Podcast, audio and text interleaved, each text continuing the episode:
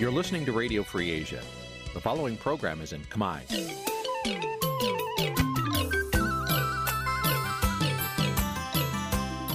នេះជាកម្មវិធីផ្សាយ Vuthu Azizi Serai នេះជាកម្មវិធីផ្សាយរបស់ Vuthu Azizi Serai ជាភាសាខ្មែរ Vuthu Azizi Serai សូមស្វាគមន៍លោកអ្នកនាងទាំងអស់ពីរដ្ឋធានី Washington នៃសហរដ្ឋអាមេរិកបាទពីរដ្ឋធានី Washington សហរដ្ឋអាមេរិក ខ្ញុំបាទយ៉ងច័ន្ទដារាសូមជម្រាបសួរលោកអ្នកនាងអ្នកស្ដាប់ Vuthu Azizi Serai ទាំងអស់ជាទីមេត្រីយើងខ្ញុំសូមជូនកម្មវិធីផ្សាយសម្រាប់ព្រឹកថ្ងៃពុទ្ធ15កើតពេញបរមីខែអាសាឍឆ្នាំខាលចត្វាស័កពុទ្ធសករាជ2566ដែលត្រូវនឹងថ្ងៃទី13ខែកក្កដាគ្រិស្តសករាជ2022បាទជាដំបូងនេះសូមអញ្ជើញអស់លោកអ្នកនាងស្ដាប់ព័ត៌មានប្រចាំថ្ងៃដែលមានមេត្តាដូចតទៅ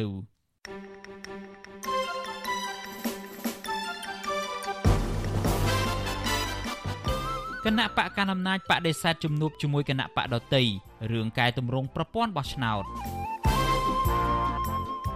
អង្គការសង្គមស៊ីវិលស្នើដល់ក្រសួងអប់រំសិក្សាឲ្យច្បាស់តាក់ទងទៅនឹងរឿងពន្យាពេលវិសមកាលតូចនៅឆ្នាំក្រោយប្រជាពលរដ្ឋខេត្តកំពង់ធំទទូចដល់អាជ្ញាធរជួយការពារព្រៃសហគមន៍របស់ពួកគាត់ ជនជាតិចិនកាន់តែច្រើនប្រើប្រាស់ទឹកដីកម្ពុជាដើម្បីផលិតគ្រឿងញៀនរួមនឹងព័ត៌មានសំខាន់សំខាន់មួយចំនួនទៀត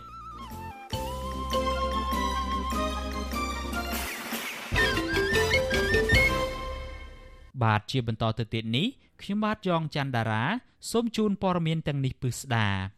តំណាងគណៈបកកណ្ដាលអំណាចអះអាងថាគណៈបកនេះពុំមានភាពចាំបាច់ត្រូវជួបជជែកជាមួយគណៈបកក្រៅរដ្ឋាភិបាលចំនួន5 ដែលមានបំណងរួមគ្នាកែលម្អប្រព័ន្ធបោះឆ្នោត និងសេរីភាពនយោបាយនៅកម្ពុជាឡើយការអះអាងរបស់តំណាងគណៈបកប្រជាជនកម្ពុជានេះគឺជាការឆ្លើយតបទៅនឹងប្រធានគណៈបកឆន្ទៈខ្មែរដែលអះអាងថាគណៈបកនយោបាយចំនួន5មានបំណងរួមគ្នាថានឹងស្នើសុំជួបជាមួយគណៈបកកណ្ដាលអំណាចដើម្បីជជែកពីសំណើរបស់គណៈបកទាំងនេះទាមទារឲ្យស្ថាប័នពាក់ព័ន្ធកែលម្អប្រព័ន្ធបោះឆ្នោតនៅមុនការបោះឆ្នោតជាតិឆ្នាំ2023ខាងមុខ បាទអ្នកស្រីសុជីវីរាយការណ៍ព័ត៌មាននេះមន្ត្រីគណៈបកកណ្ដាលអំណាចហាក់ពុំបានមើលឃើញថាគណៈបកទាំង5មានតម្លៃនិងកម្លាំងគ្រប់គ្រាន់ក្នុងការស្នើសុំជួបជជែករឿងកែលម្អគណៈកម្មាធិការជាតិរៀបចំការបោះឆ្នោត និងបញ្ហាផ្សេងផ្សេងទៀតទាក់ទងនឹងការបោះឆ្នោតឡើយដោយសំអាងថាគណៈបកទាំងនោះគឺជាគណៈបកដែលភាកច្រើន មានប្រភពមកពីគណៈបកប្រឆាំងគឺគណៈបកសង្គ្រោះជាតិតែមួយនិងអះអាងថាកោជបជាស្ថាប័នឯករាជ្យតាំងពីបានរៀបចំការបោះឆ្នោតនៅក្នុងឆ្នាំ2017មកម្លេះអ្នកនាំពាក្យគណៈបកប្រជាជនកម្ពុជាលោកសុកអេសានមានប្រសាសន៍ប្រាប់វិទ្យុអាស៊ីសេរីកាលពីល្ងាចថ្ងៃទី12ខែកក្កដាថាបើទោះបីជាគណៈបកទាំង5ប្រើមធ្យោបាយណាក៏ដោយការដាក់សម្ពាធបែបណាក៏ដោយក៏មិនអាចទាញគណៈបករបស់លោកឲ្យចូលរួមការពិភាក្សាណាមួយបានឡើយ លោកបញ្ជាក់ថាបើទោះបីជាគណៈបកទាំងនោះធ្វើពហិការមិនចូលរួមការបោះឆ្នោតនិងមានការតវ៉ាណាមួយរបស់ប្រជាពលរដ្ឋម្ចាស់ឆ្នោតក៏ដោយក៏គណៈបកប្រជាជនកម្ពុជារបស់លោកមិនចូលរួមពិភាក្សារឿងកែតម្រង់គណៈកម្មាធិការជាតិរៀបចំការបោះឆ្នោតដែរមុនពេលបោះឆ្នោតគាត់ថាបាននិយាយថាបរិយាកាសនយោបាយល្អបានគាត់ចូលរួមបោះឆ្នោតអញ្ចឹងបានសេចក្តីថាបើគាត់នៅតែចាញ់ឆ្នោតគាត់នៅតែថា គោលយុទ្ធនឹងមិនយុទ្ធធម៌មិនអជាក្រិតដែរអញ្ចឹងដូរប្រមាណដងក៏នៅតែដដែលដែរពីព្រោះគាត់នឹងអ្នកដូរហើយគណៈបក5ហ្នឹងហើយដែលជាអតីតបកប្រឆាំងពីមុនមកអញ្ចឹងនេះគាត់ដូរទៅអីទៀតទេគាត់ដាក់លក្ខខណ្ឌអីក៏ដោយបាទអត់ទៅរួចទេបាទអត់ទៅរួចទេគួយបាច់ខាតលោកសុកអេសានបញ្ជាក់ថែមទៀតថានៅកម្ពុជាមានគណៈបកជាច្រើនទៀតដែលនឹងចូលរួមការបោះឆ្នោតមិនមែនមានតែគណៈបកទាំង5នេះទេ ការលើកឡើងរបស់លោកសុកអេសាននេះបន្ទាប់ពីគណៈបកចំនួន5រួមមានគណៈបកប្រជាធិបតេយ្យមូលដ្ឋានគណៈបកភ្លើងទៀនគណៈបកកែតម្រង់កម្ពុជា និងគណៈបកកម្ពុជានិយមកំពុងរួមសម្លេងគ្នាក្នុងគោលបំណងស្នើឲ្យមានការកែលម្អប្រព័ន្ធបោះឆ្នោតនិងសេរីភាពនយោបាយនៅកម្ពុជាក្រុមគណៈបកដែលមិនមានសម្លេងនៅក្នុងរដ្ឋាភិបាលនិងក្នុងរដ្ឋសភារួមទាំងគណៈបកភ្លើងទៀនដែលទទួលបានការគ្រប់គ្រងច្រើននៅក្នុងការបោះឆ្នោតក្រុមប្រឹក្សាឃុំសង្កាត់ផង គ្រងនឹងដាក់សំណើតាក់ទងនឹងរឿងនេះទៅគណៈកម្មាធិការជាតិរៀបចំការបោះឆ្នោតក្រសួងមហាផ្ទៃនិងរដ្ឋសភាជាមួយគ្នានេះក្រុមគណៈបកនយោបាយទាំងនេះក៏មានគម្រោងជួបជជែកជាមួយនឹងអង្គការសង្គមស៊ីវិលនិងបណ្ដាអង្គទូតប្រទេសប្រជាធិបតេយ្យដែលគាំទ្រការបោះឆ្នោតនៅកម្ពុជា បន្ថែមពីនេះប្រធានគណៈបកឆន្ទៈខ្មែរលោកគង់មុនីកាបញ្ជាក់ប្រាប់វិទ្យុអាស៊ីសេរីថាក្រុមគណៈបកនយោបាយទាំង5ដែលកំពុងមានសម្លេងរួមគ្នានេះ ក៏គ្រោងនឹងស្នើសុំជួបជជែកជាមួយនឹងគណៈបកប្រជាជនកម្ពុជា ដែលជាបកកាន់អំណាចផងថារដ្ឋសភាក្តីក្រសួងមហាផ្ទៃក្តីគឺថាគឺថាភាគច្រើនសិតតែជាមនុស្សរបស់ខាងគណៈបកកណ្ដាលអំណាចហើយហើយសភាអនុម័តទៅបានគឺថាតើតើមានការជជែកគ្នាជាមួយគណៈបកកណ្ដាលអំណាចបើថាត្រូវគ្នាជាមួយគណៈបកកណ្ដាលអំណាចគឺ ការអនុម័តអីផ្សេងផ្សេងអាចធ្វើទៅបានក៏ប៉ុន្តែក្នុងន័យនេះមិនមែនមានន័យថាយើងទៅជជែកជាមួយគណៈបកកណ្ដាលអំណាចគឺគណៈបកប្រជាជនកម្ពុជានឹងហើយទៅទៅស្នើសុំទៅអង្វរគេឲ្យធ្វើចេះចោះដើម្បីខ្លួនអាចមានទទួលបានផលប្រយោជន៍ក្នុងការបោះឆ្នោតណាមួយពេលខាងមុខនោះទេគឺថាយើងតស៊ូមតិជាមួយគ្នាហើយយើងចង់ឲ្យមានប្រព័ន្ធបោះឆ្នោតមួយដែលប្រជាពលរដ្ឋក៏ដូចជាគណៈបកនយោបាយទទួលយកបានទាំងអស់គ្នា គណៈបកនយោបាយទាំង5បានប្រកាសពីចំណុចអតិភិបមួយចំនួន ដែលពួកគេចង់បានក្នុងនោះរួមមានឯករាជ្យរបស់ស្ថាប័នកោជបតាំងពីថ្នាក់មូលដ្ឋានដល់ថ្នាក់ជាតិសំណើបញ្ឈប់ការធ្វើទុកបុកម្នេញឬការរើសអើងនយោបាយនិងភាពមិនប្រក្រតីនានានៅក្នុងដំណើរការបោះឆ្នោតអនុវត្តដោយអាជ្ញាធរមូលដ្ឋាន និងសំណើកែប្រែច្បាប់មួយចំនួនតាក់ទងនឹងការបោះឆ្នោតតាក់ទងនឹងការឆ្លើយតបរបស់អ្នកនាំពាក្យគណៈបកប្រជាជនកម្ពុជាទៅគណៈបកនយោបាយទាំង5 អ្នកវិភាគនយោបាយលោកកឹមសុខលើកឡើងថាលោកសាទរដែលគណៈបកដឹកនាំដោយអ្នកប្រជាធិបតេយ្យអាចអង្គុយនិយាយគ្នា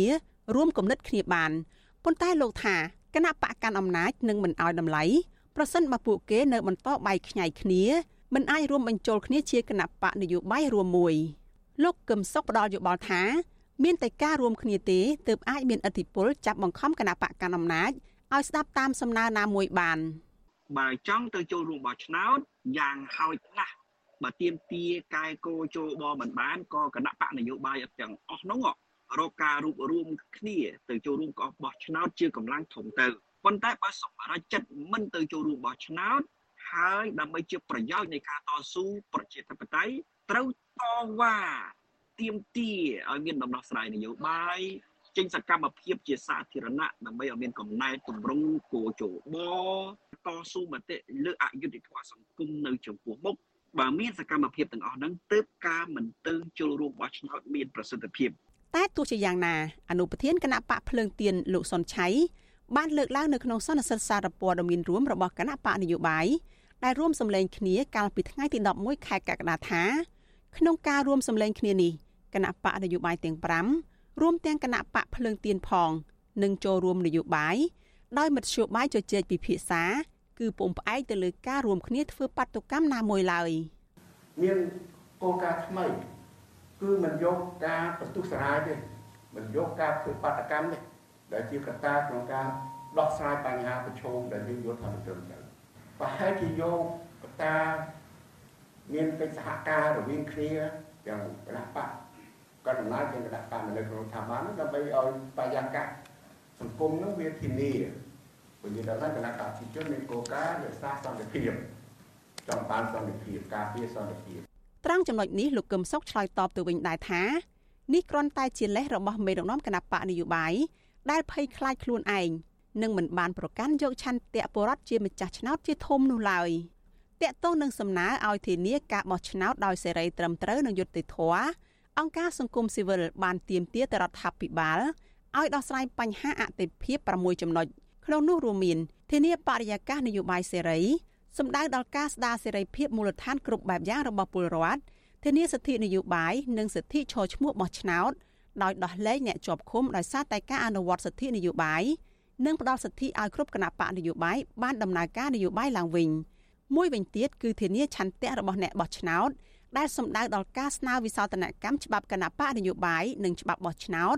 បញ្ឈប់ការដកហូតយកអាសនៈអ្នកតំណាងជាប់ឆ្នោតដោយសារតែការរំលាយគណៈបកនយោបាយជាដើម។ជាមួយគ្នានេះក៏ត្រូវធានាឲ្យគណៈកម្មាធិការជាតិរៀបចំការបោះឆ្នោតហៅកាត់ថាកោជបអាចជឿទុកចិត្តបានដោយរក្សាសមាជិកភាពមកពីភាគីពាក់ព័ន្ធដោយមានចែងនៅក្នុងរដ្ឋធម្មនុញ្ញគឺ4រូបមកពីគណៈបកកណ្ដាលអំណាច4រូបទៀតមកពីគណៈបកគ្មានអាសនៈនៅក្នុងសភា និងមួយរូបមកពីខាងសង្គមស៊ីវិលជាដើមបន្ថែមពីនេះគឺត្រូវធានាឯករាជ្យភាពនិងអព្យាក្រឹតរបស់កងកម្លាំងប្រដាប់អាវុធនិងតុលាការរីឯចំណុចចុងក្រោយគឺធានាឲ្យក្រុមអង្គការសង្គមស៊ីវិលនិងប្រព័ន្ធផ្សព្វផ្សាយឯករាជ្យអាចអនុវត្តតួនាទីរបស់ពួកគេបានដោយសេរីតែទោះជាយ៉ាងណារហូតមកដល់ពេលនេះសំណើទាំង6ចំណុចនេះនៅមិនទាន់ត្រូវបានរដ្ឋាភិបាលឬគណៈបកកាន់អំណាចទទួលយកទៅកែលម្អតាមនៅឡើយទេ នាងខ្ញុំសុជីវីវិទ្យុអាស៊ីសេរីពីរដ្ឋធានី Washington លោកអ្នកនាងជាទីមេត្រីវិទ្យុអាស៊ីសេរីសូមជូនដំណឹងថា យើងគ្មានអ្នកយកព័ត៌មានប្រចាំនៅប្រទេសកម្ពុជាទេប្រសិនបើមានជនណាម្នាក់អះអាងថាជាអ្នកយកព័ត៌មានឲ្យវិទ្យុអាស៊ីសេរីនៅកម្ពុជា នោះគឺជាការក្លែងបន្លំយកឈ្មោះអាស៊ីសេរីទៅប្រើ នៅក្នុងគោលបំណងទុច្ចរិតណាមួយរបស់បុគ្គលនោះតែប៉ុណ្ណោះបាទសូមអរគុណ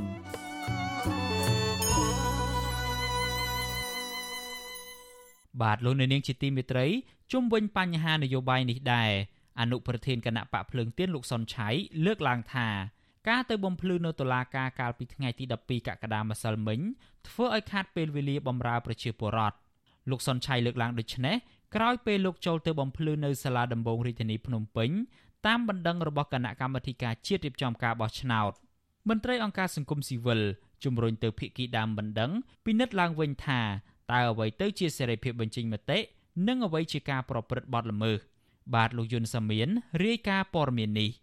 លោកសុនឆៃនៅតែរក្សាចំហដដែលមិនសុំទោសគោជបឬសម្ដីដែលលោកបានរិះគន់ស្ថាប័នបោះឆ្នោតមួយនេះទេ ដោយលោកអះអាងថាលោកមិនបាននិយាយខុសពីការពិតឡើយអនុប្រធានគណៈបកភ្លើងទៀនរូបនេះថាក្រោយការបោះឆ្នោតកាលពីថ្ងៃទី5ខែមិថុនាគណៈបកមួយចំនួននិងអង្គការសង្គមស៊ីវិលក៏រកឃើញពីភាពមិនប្រក្រតីនៃការបោះឆ្នោតដែរប៉ុន្តែក៏ជបប្តឹងតែរូបលោកលោកសុនឆៃថាក្នុងពេលសាកសួរព្រះអញ្ញាសួរបញ្ជាក់លោកថាតើការថ្លែងរបស់លោកតាក់ទងការរិះគន់ស្ថាប័នកោជបនោះគឺជាការនិយាយរបស់លោកមែនទេ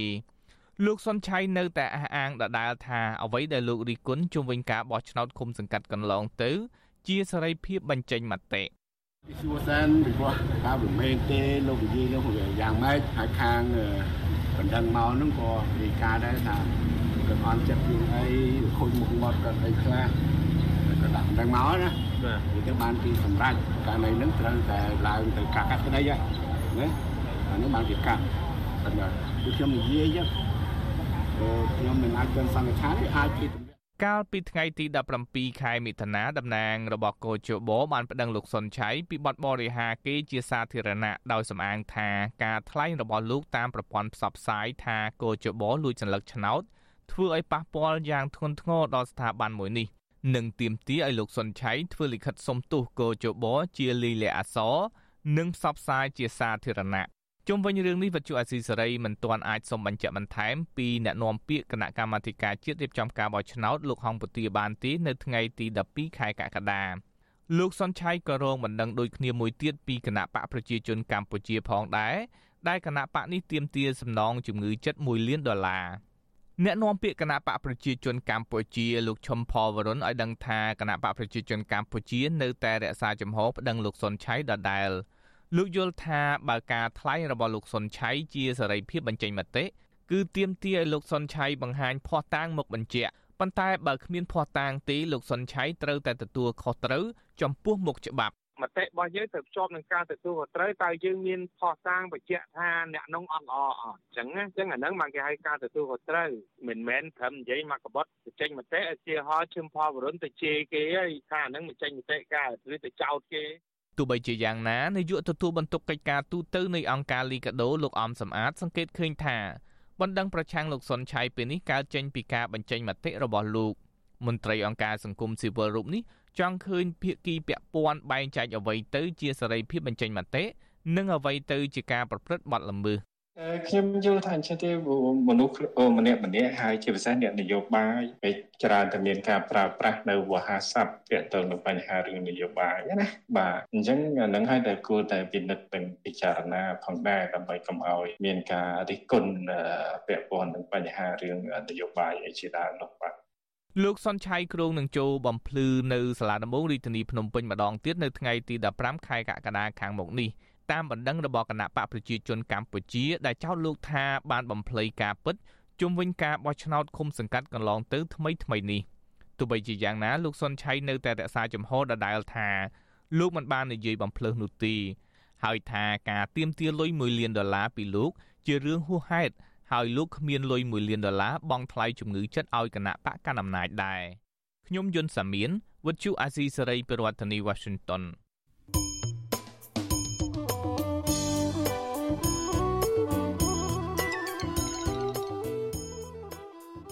លោកអ្នកនាងជាទីមេត្រីដំណើរគ្នានឹងស្ដាប់ការផ្សាយវិទ្យុអាស៊ីសេរីតាមបណ្ដាញសង្គម Facebook និង YouTube លោកអ្នកនាងក៏អាចស្ដាប់កម្មវិធីផ្សាយរបស់វិទ្យុអាស៊ីសេរីតាមរលក ធាតុអាកាសខ្លីឬ Shortwave តាមកម្រិតនិងកម្ពស់ដូចតទៅនេះ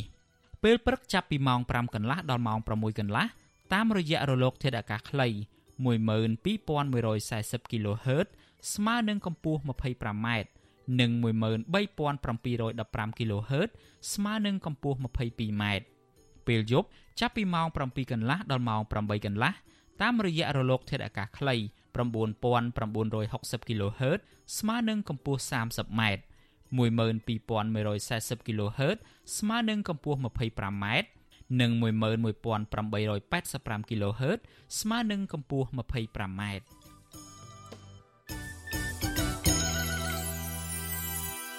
បាទលោកអ្នកនាងជាទីមេត្រី យើងងាកទៅវិស័យអប់រំវិញមន្ត្រីអង្គការសង្គមស៊ីវិលស្នើដល់ក្រសួងអប់រំសិក្សានិងវិតម្លៃបញ្ហាប្រឈមមុនពេលសម្រេចពន្យាពេលវិស្សមកាលតូច នៅក្នុងព្រឹត្តិការណ៍ SEA Games នៅឆ្នាំក្រោយដើម្បីជៀសវាងផលប៉ះពាល់នានាទៅលើការសិក្សារបស់សិស្សនិងគុណភាពអប់រំសំណើនេះធ្វើឡើងបន្ទាប់ពីលោកនាយរដ្ឋមន្ត្រីហ៊ុនសែនបានស្នើឲ្យក្រសួងអប់រំ ពិនិត្យលទ្ធភាពពន្យាពេលវិស្សមកាលតូច ចាប់ពីខែមេសារហូតដល់ខែឧសភាឆ្នាំ2023នៅក្នុងព្រឹត្តិការណ៍ប្រកួតកីឡាអាស៊ានប៉ារ៉ាហ្គេមលើកទី12និងស៊ីហ្គេមលើកទី32ដែលកម្ពុជាធ្វើជាម្ចាស់ផ្ទះបាទលោកសនចាន់រដ្ឋារាយការណ៍ពុស្ដាអំពីរឿងនេះមន្ត្រីអង្គការសង្គមស៊ីវិលបារម្ភពីផលប៉ះពាល់នានាពីការពន្យាពេលវិស្សមការរយៈពេលយូរចំពោះគ្រឹះស្ថានអប់រំរបស់រដ្ឋដែលអាចប៉ះពាល់ដល់គុណភាពអប់រំ ជាពិសេសចេតពលដល់លទ្ធផលសិក្សារបស់សិស្សដែលត្រៀមខ្លួនប្រឡងថ្នាក់សញ្ញាបត្របឋមភូមិនិងមធ្យមសិក្សាទុតិយភូមិប្រសិនបើក្រសួងអប់រំមិនពិនិត្យនិងសិក្សាបានច្បាស់លាស់ជាមុនទេ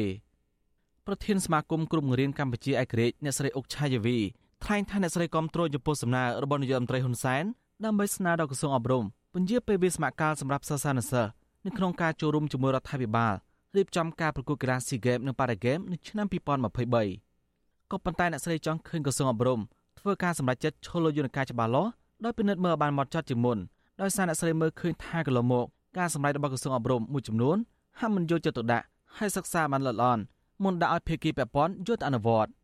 អ្នកស្រីថាបញ្ហានេះបានធ្វើប៉ះពាល់ដល់ផែនការបង្រៀនរបស់លោកគ្រូអ្នកគ្រូនិងលទ្ធផលសិក្សារបស់សិស្សជាពិសេសប៉ះពាល់ដល់គុណភាពអប់រំជាដើម។គឺប៉ះពាល់ ទាំងអស់ហ្នឹងមិនថាឡើយអ្នកនៅភ្នំពេញហ្នឹងទេគឺប៉ះពាល់ទូទាំងប្រទេសហើយហើយអ្វីដែលទន្ទឹងរង់ចាំរបស់សិស្សានុសិស្សគឺគាត់កំពុងតែត្រៀមខ្លួនក្នុងការប្រឡងបញ្ចប់ឆ្នាំសិក្សារបស់គាត់អញ្ចឹងការដែលប៉ះពាល់គឺប៉ះពាល់មិនថាទាំងគ្រូទាំងសិស្សនេះអ្វីដែលយើងមើលឃើញចា៎ការលើកឡើងរបស់មន្ត្រីសង្គមស៊ីវិលនេះបន្ទាប់ពីលោកនាយករដ្ឋមន្ត្រីហ៊ុនសែនកាលពីថ្ងៃទី11ខែកក្កដា បានស្នើក្រសួងអប់រំយុវជននិងកីឡាពិនិត្យលទ្ធភាពពន្យាពេលវិស្សមការតូចអំឡុងពេលបុណ្យចូលឆ្នាំខ្មែរប្រពៃណីជាតិរហូតដល់ថ្ងៃទី18ខែសីហាឆ្នាំ2023ក្នុងព្រឹត្តិការណ៍ប្រកួតកីឡាស៊ីហ្គេមនិងអាស៊ានប៉ារ៉ាហ្គេមដែលកម្ពុជាធ្វើជាម្ចាស់ផ្ទះលោកហ៊ុនសែនបញ្ជាក់ថាមូលហេតុលោកស្នើសុំពន្យាពេលវិស្សមការនេះដើម្បីផ្ដល់ឱកាសឲ្យសិស្សានុសិស្សបានចូលរួមបម្រើការងារស្ម័គ្រចិត្តហើយចូលរួមអបអរសាទរលើកទឹកចិត្តដល់កីឡាករកីឡាករនីជាតិនិងអន្តរជាតិផង។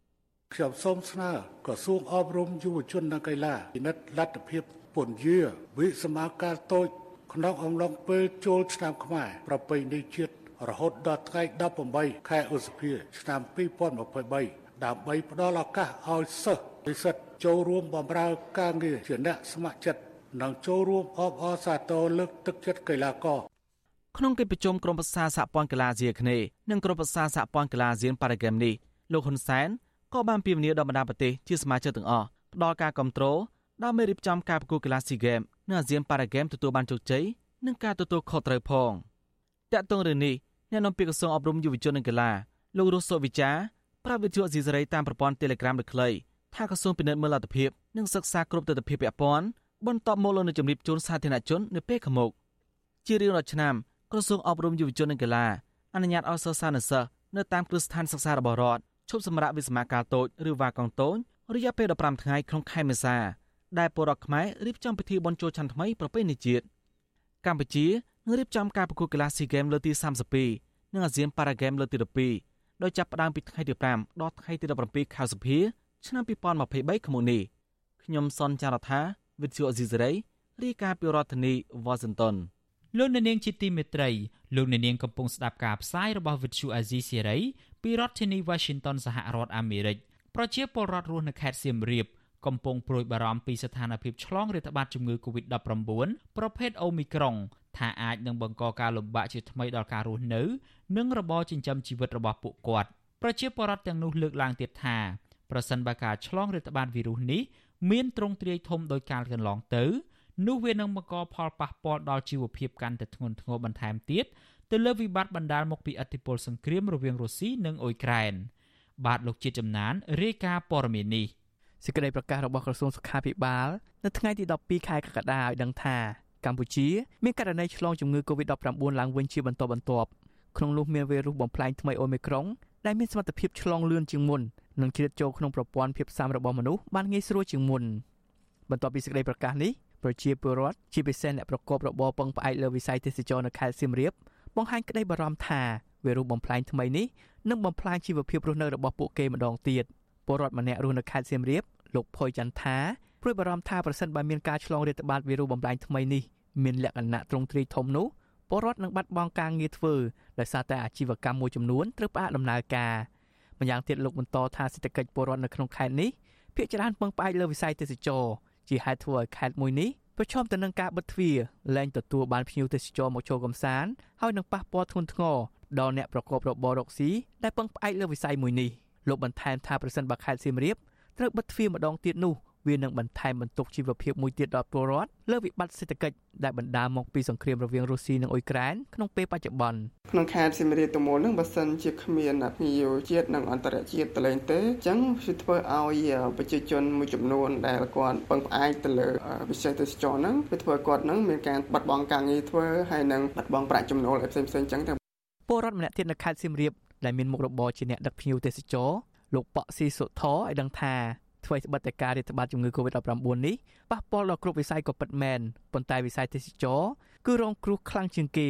លោកព្រួយបារម្ភថាវីរុសបំផ្លាញថ្មីនេះនឹងពង្រីកការឆ្លងរាតត្បាតកាន់តែធំជាងមុនហើយបង្កផលប៉ះពាល់ដល់រូបលោកនិងពលរដ្ឋផ្សេងទៀតដែលជាអ្នកប្រកបរបរដែលពឹងផ្អែកលើវិស័យមួយនេះលោកស្នើទៅរដ្ឋាភិបាលនិងប្រជាពលរដ្ឋទូទៅឲ្យចូលរួមបង្ការទប់ស្កាត់កុំឲ្យមានការឆ្លងរាតត្បាតលក្ខណៈទ្រង់ទ្រាយធំដោយការកន្លងទៅដើម្បីជួយស្ដារសេដ្ឋកិច្ចរបស់ពួកលោក ដែលទៅងើបឡើងវិញក្នុងរយៈពេលកន្លះឆ្នាំចុងក្រោយនេះអត់មានភ្ញៀវទេសចរមកគឺពិបាកខ្លាំងមែនទែនជាពិសេសខ្ញុំធ្លាប់ដឹកភ្ញៀវទេសចរនឹងគឺបានប្រាក់ល្អក្នុងមួយខែមួយខែបាន400ទៅ500ដុល្លារតែរហូតដល់កូវីដនឹងគឺដឹកភ្ញៀវទេសចរនឹងគឺកំសត់កំរខ្លាំងមែនទែនគឺអស់ដីអស់ផ្ទះអស់អីទៀតដើម្បីសងអង្គការនោះណាតកតងនឹងក្តីបារម្ភនេះវិសុអស៊ីសេរីពុំអាចតកតងแนะនាំពាក្យក្រសួងសុខាភិបាលអ្នកស្រីអាវ៉ាន់ឌិននិងប្រធានសមាគម ទីភ្នាក់ងារទេសចរកម្ពុជា អ្នកស្រីឆៃសៀវលីនដើម្បីសូមអធិប្បាយជុំវិញរឿងនេះបាននៅឡើយទេនៅថ្ងៃទី12ខែកក្កដាប៉ុន្តែនៅក្នុងការចុះផ្សាយរបស់ក្រសួងសុខាភិបាលអ្នកស្រីអាវ៉ាន់ឌិនឲ្យដឹងថាបច្ចុប្បន្ននេះតាមបណ្ដាប្រទេសជាច្រើននៅលើសកលលោកបានរកឃើញវត្តមានវីរុសអូមីក្រុងបំផ្លាញថ្មីកំពុងចរាចរយ៉ាងសកម្មខណៈវីរុសនេះក៏កំពុងមានវត្តមាននៅកម្ពុជាផងដែរដោយនៅថ្ងៃទី11ខែកក្កដាក្រសួងសុខាភិបាល បានរកឃើញមេរោគនេះចំនួន14ករណីដោយ12ករណីជាអ្នកនៅក្នុងសហគមន៍និង2ករណីទៀតនាំចូលពីក្រៅប្រទេសអ្នកស្រីអាវ៉ាន់ឌីបញ្ជាក់ថាវីរុសអូមីក្រុងបំផ្លាញថ្មីនេះមានលទ្ធភាពអាចជ្រៀតចូលប្រព័ន្ធភាពស៊ាំរបស់មនុស្សបានងាយស្រួលជាងមុននិងធ្វើឲ្យភាពស៊ាំរបស់អ្នកជំងឺឆាប់ធ្លាក់ចុះខ្លាំងជាងប្រភេទអូមីក្រុងបំផ្លាញមុនមុន ប្រជាណាចក្រកម្ពុជារបស់យើងក៏បានរកឃើញអ្នកវិជ្ជមានវីរុស COVID-19 ប្រភេទ Omicron បំផ្លាញថ្មី BA4 និង BA5 នេះផងដែរហើយការរកឃើញអ្នកវិជ្ជមានវីរុស COVID-19 នេះគឺបានចាប់ផ្ដើមឡើងវិញពីថ្ងៃទី28ខែមិថុនាឆ្នាំ2022កន្លងមកនេះរហូតមកដល់ពេលបច្ចុប្បន្ននេះដែលយើងរកឃើញអ្នកវិជ្ជមានវីរុស COVID-19 នេះជារៀងរាល់ថ្ងៃជុំវិញរឿងនេះប្រធានសមាគមប្រជាធិបតេយ្យឯករាជ្យនៃសេដ្ឋកិច្ចក្រៅប្រព័ន្ធលោកវ៉ុនពៅថាការប្រួយបារម្ភរបស់ប្រជាពលរដ្ឋកើនឡើងដោយសារតែពួកគេខ្លាចធ្លាក់ចូលក្នុងស្ថានភាពលំបាកដោយការកម្ពុជាបិទគប់ប្រទេសកន្លងទៅលោកមើលឃើញថាកន្លងមកពេលដែលមានករណីឆ្លងរាតត្បាតជំងឺ Covid-19 ទ្រង់ទ្រាយធំអាជ្ញាធរបានបិទខេត្តមួយចំនួនធ្វើឲ្យប៉ះពាល់ដល់អ្នកប្រកបរបរពឹងផ្អែកលើវិស័យទេសចរលោកបន្ថែមថាក្នុងអំឡុងពេលបិទគប់នៅក្នុងតំបន់ទាំងនោះ ទោះបីជារដ្ឋាភិបាលបានផ្តល់ជំនួយដល់ប្រជាពលរដ្ឋក៏ដោយប៉ុន្តែវាមិនអាចបំពេញតម្រូវការរបស់ពួកគាត់បាននោះទេ អ្នកខេត្តសៀមរាបគឺជាខេត្តមួយដែលគាត់អាស្រ័យផលជាមួយវិស័យទេសចរអញ្ចឹងកាលណាមានការផ្ទុះឡើងវិញនៅមេរោគបំលែងថ្មីអូមីក្រុងហ្នឹងគឺបើសិនជាបាត់បង់ភ្ញៀវទេសចរទាំងជាតិនិងអន្តរជាតិធ្វើឲ្យគាត់បាត់បង់ប្រាក់ចំណូលដែរហ្នឹងហើយជាការព្រួយបារម្ភរបស់គាត់មួយគាត់ហើយកន្លងមកឃើញថាការដល់ឧបត្ថម្ភជាគ្រឿងឧបភោគបរិភោគឬក៏ការផ្ទេរសាច់ប្រាក់ពីអាជ្ញាធររដ្ឋគឺបានតិចជួយបំផុតសម្រាប់ពួកគាត់អាហ្នឹងខ្ញុំគិតថាវាជាការព្រួយបារម្ភមួយដែលត្រឹមត្រូវផងដែរ បើទោះបីជាស្ថានភាពវិស័យទេសចរនៅក្នុងប្រទេសកម្ពុជា មានភាពបើកចំហឡើងវិញក៏ពិតមែនប៉ុន្តែជីវភាពអ្នកធ្វើការក្នុងវិស័យនេះហាក់នៅតែមានការលំបាកនៅឡើយអង្គការសង្គមស៊ីវិលដែលធ្វើការតាក់ទងជាមួយនឹងវិស័យសេវាកម្មកម្ពុជាព្រួយបារម្ភចំពោះប្រជាពលរដ្ឋដែលពឹងផ្អែកលើវិស័យនេះនឹងបន្តប៉ះពាល់កាន់តែធ្ងន់ធ្ងរប្រសិនបើមានការឆ្លងវីរុស COVID-19 ទ្រង់ទ្រាយធំនៅក្នុងសហគមន៍ហើយនឹងបណ្ដាលឲ្យពលរដ្ឋត្រូវបង្ខំចិត្តចំណាក់ស្រុកទៅធ្វើការនៅប្រទេសជិតខាង។ ខ្ញុំបាទចិត្តចំណាន Visual Assisray ពីរដ្ឋធានី Washington បាទលោកអ្នកនាងជាទីមេត្រីយើងងាកទៅបញ្ហាជនជាតិចិនឯណោះវិញវិនិយោគិនដែលជាជនជាតិចិនចូលមកធ្វើជំនួញឬអាជីវកម្មនៅក្នុងប្រទេសកម្ពុជា ជាទូទៅត្រូវបានរដ្ឋាភិបាលលោកហ៊ុនសែននិងមន្ត្រីក្រាក់ក្រាក់ទទួលស្វាគមន៍យ៉ាងកក់ក្ដៅបន្តិចម្ដងបន្តិចម្ដងជនជាតិចិនដែលមករកស៊ីនៅលើទឹកដីខ្មែរបានកើនឡើងយ៉ាងគំហុក ពួកគេមួយចំនួនហ៊ានរកស៊ីគ្រប់បែបយ៉ាងក្នុងនោះរាប់ទាំងការរំលោភយកដីធ្លីរបស់ប្រជាពលរដ្ឋម្ចាស់ស្រុកនិងការនាំចូលអាវុធសម្រាប់ប្រព្រឹត្តបទឧក្រិដ្ឋនៅកម្ពុជាជាដើម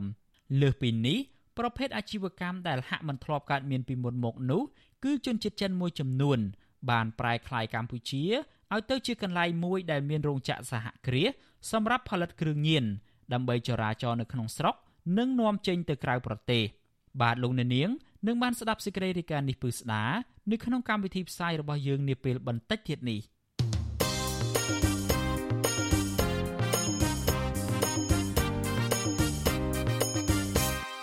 បាទលោកអ្នកនាងជាទីមេត្រី នៅឯខេត្តបាត់ដំបងឯណោះវិញសមត្ថកិច្ចបានចាប់បញ្ជូនប្រជាពលរដ្ឋ3នាក់ទៅតុលាការកាលពីរសៀលថ្ងៃទី12កក្កដាម្សិលមិញ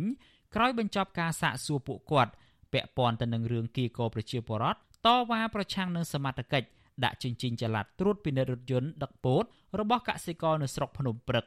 សាច់ញាតិរបស់ប្រជាពលរដ្ឋទាំងនោះចាត់ទុកការចាប់ខ្លួននេះថាជារឿងអយុត្តិធម៌និងជាការធ្វើបាបប្រជាពលរដ្ឋក្រីក្រ បាទសូមលោកអ្នកនាងស្ដាប់សេចក្តីរាយការណ៍មួយទៀតរបស់អ្នកស្រីសុជីវីអំពីរឿងនេះដូចតទៅស្នងការនគរបាលខេត្តបាត់ដំបងបានបញ្ជូនពលរដ្ឋ3នាក់ទៅសាលាដំបងខេត្តក្រោយពីបានឃុំខ្លួនសួរនាំអស់រយៈពេល2ថ្ងៃ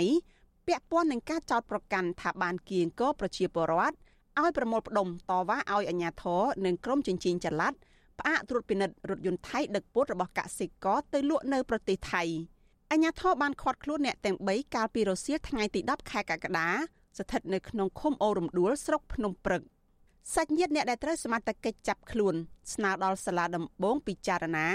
ដោះលែងសមាជិកគ្រួសារពួកគាត់មកវិញ ព្រោះពួកគាត់យល់ថាការចាប់ខ្លួននេះគឺជារឿងអយុត្តិធម៌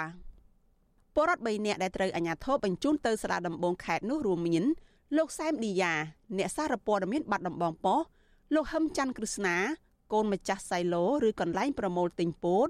និងលោកកៅវាសនាជាកសិករចំណែកប្រពន្ធលោកកៅវាសនាលោកស្រីដនឌីស្មាតកិច្ចបានដោះលែងឲ្យមានសេរីភាពវិញហើយនៅព្រឹកថ្ងៃទី12ខែកក្កដា ម្ចាស់សៃឡូឬកន្លែងប្រមូលទិញពោតជាឪពុករបស់លោកហឹមច័ន្ទគ្រឹស្ណាប្រាប់វិទ្យុអាស៊ីសេរីនៅថ្ងៃទី12ខែកក្កដាថាលោកនៅមិនទាន់ដឹងថាតើសមត្ថកិច្ចចោតប្រកាន់កូនប្រុសរបស់លោកនោះពីបទអ្វីនៅឡើយទេលោកលើកឡើងថាកូនរបស់លោកមិនបានប្រព្រឹត្តខុសច្បាប់អ្វីឡើយលោកបញ្ជាក់ទៀតថារថយន្តដឹកពោតរបស់ជនជាតិថៃ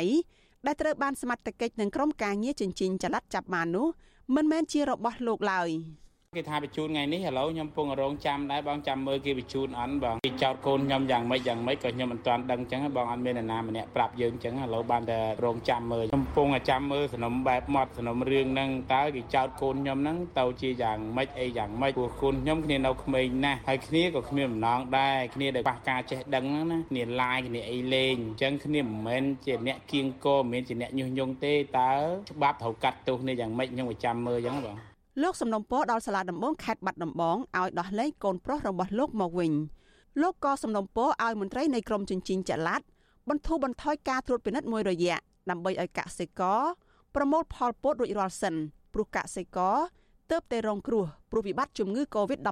មិនទាន់បញ្ចប់ស្របពេលមានភ្លៀងធ្លាក់ខ្លាំងជាបន្តបន្ទាប់ធ្វើឲ្យដំឡូងរលួយអស់ឥឡូវទើបបានប្រមូលផលពោតដែលកសិករគិតថា និងបានតម្លៃខ្ពស់អាចទប់ទល់និងដោះស្រាយបំណុលធនាគារបាន